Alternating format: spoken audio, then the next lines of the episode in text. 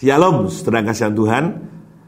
Eh, saya rindu hari ini membagikan sesuatu yang kemarin waktu di Jakarta saya bagikan di uh, Rakernas Kegerakan Suami Istri di Indonesia. Judulnya tentang keledai. ya, saya bacakan buat saudara. Yesus dielulukan di Yerusalem. Ketika Yesus dan murid-muridnya telah dekat Yerusalem dan tiba di Bethphage yang terletak di Bukit Zaitun, Yesus menyuruh dua orang muridnya dengan pesan, Pergilah ke kampung yang di depanmu itu dan di situ kamu akan segera menemukan seekor keledai betina tertambat dan anaknya ada dekatnya. Lepaskanlah keledai itu dan bawalah keduanya kepadaku. Dan jikalau ada yang menegur kamu, katakanlah Tuhan memerlukannya. Ia akan segera mengembalikannya. Hal itu terjadi supaya genaplah firman Tuhan yang disampaikan oleh Nabi.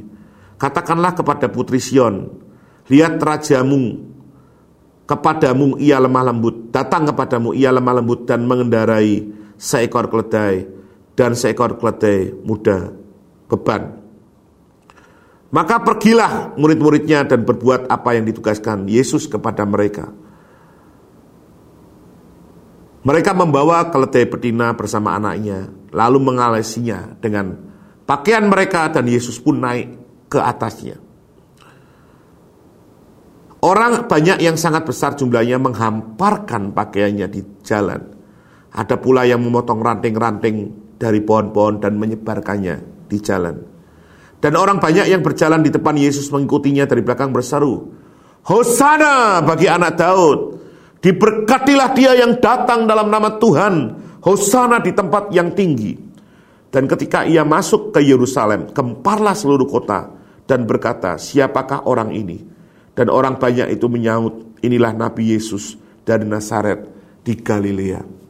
Kalau saudara lihat cerita ayat ini, banyak orang-orang Yahudi yang menunggu Mesias menurut orang Yahudi di Golden Gate ini di pintu gerbang pintu timur.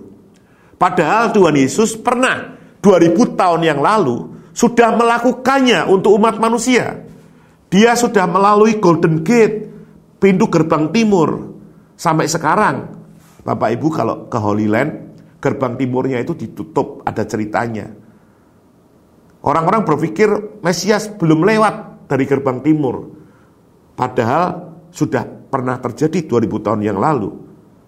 Bapak Ibu yang terkasih, apa yang ditulis di Alkitab ini? Tertulis dalam di dalam firman Tuhan di Zakaria 9 ayat 9. Bersorak-soralah dengan nyaring kata Zakaria. Hai putri Sion, bersorak-soralah hai putri Yerusalem. Lihat rajamu datang kepadamu, ia adil dan jaya.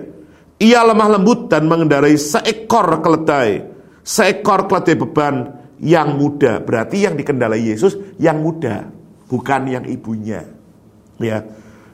Kalau sudah lihat ini ditulis kira-kira 480 tahun sebelum Masehi, sebelum Yesus ada, Saudara. Ya. Zakaria menulis ini. Kalau kita melihat cerita ini, kemarin sempat saya berikan ilustrasinya bagaimana Yesus menunggang keledai muda itu masuk ke dalam Yerusalem dan firman Tuhan katakan semua orang berkata Hosana. Hosana itu artinya kasihanilah aku ya Tuhan. Terpujilah engkau ya Tuhan artinya Hosana. Semua orang berteriak-teriak. Kenapa? Kalau saudara lihat ada Injil sinopsis dan non sinopsis Matius, Markus, Lukas maupun Yohanes menulis semua tentang ini. Jadi semuanya menulis tentang Yesus masuk ke Yerusalem. Mengapa Yesus dielulukannya? Jangan heran kalau saudara melihat ayat-ayat sebelumnya. Banyak mujizat yang dilakukan Yesus. Orang yang lumpuh berjalan, orang yang buta melihat, bahkan yang mati bangkit sudah mereka lihat. Sehingga mereka berteriak, Hosana, Hosana.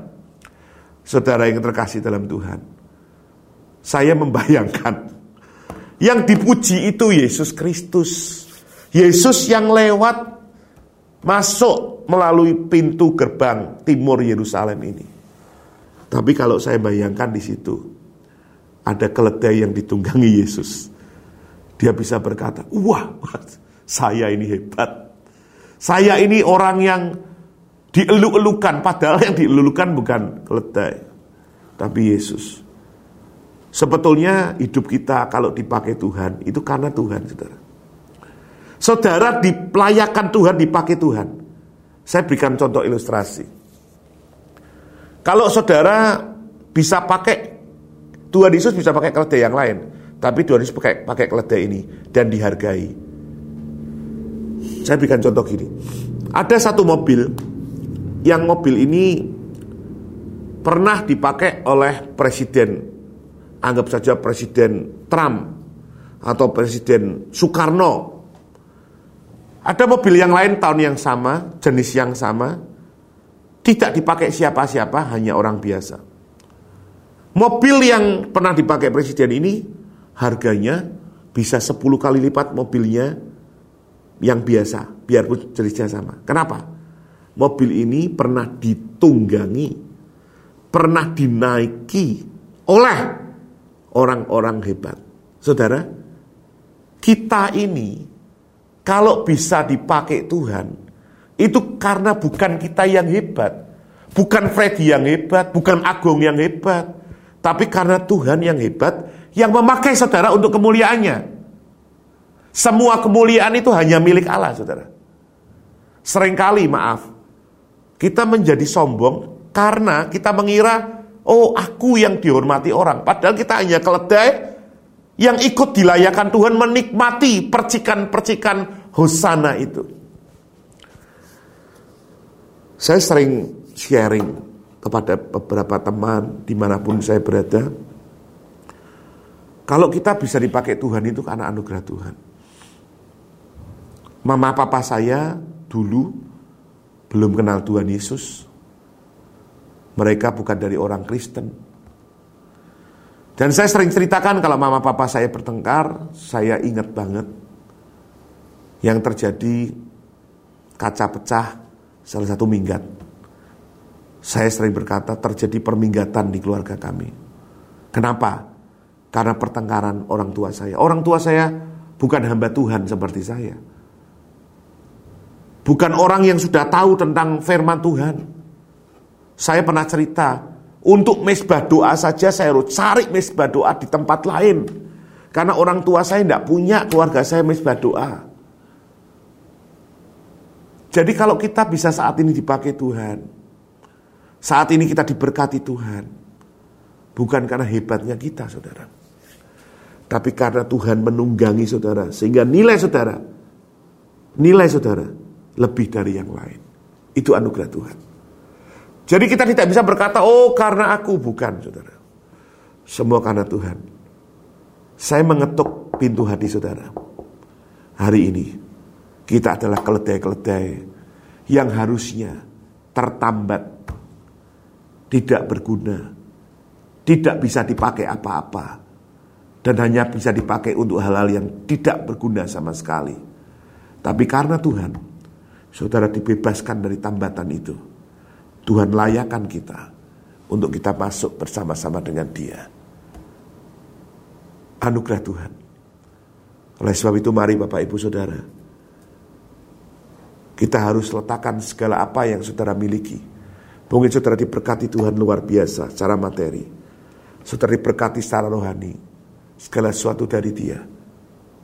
Roma 11.36 Dari dia oleh dia kepada dia Segala kemuliaan bagi dia Tuhan Yesus berkati kita semua. Mari letakkan diri kita dengan baik Supaya penghargaan yang Tuhan berikan dalam hidupmu Tidak diambil dari hidupmu. Tuhan Yesus memberkati kita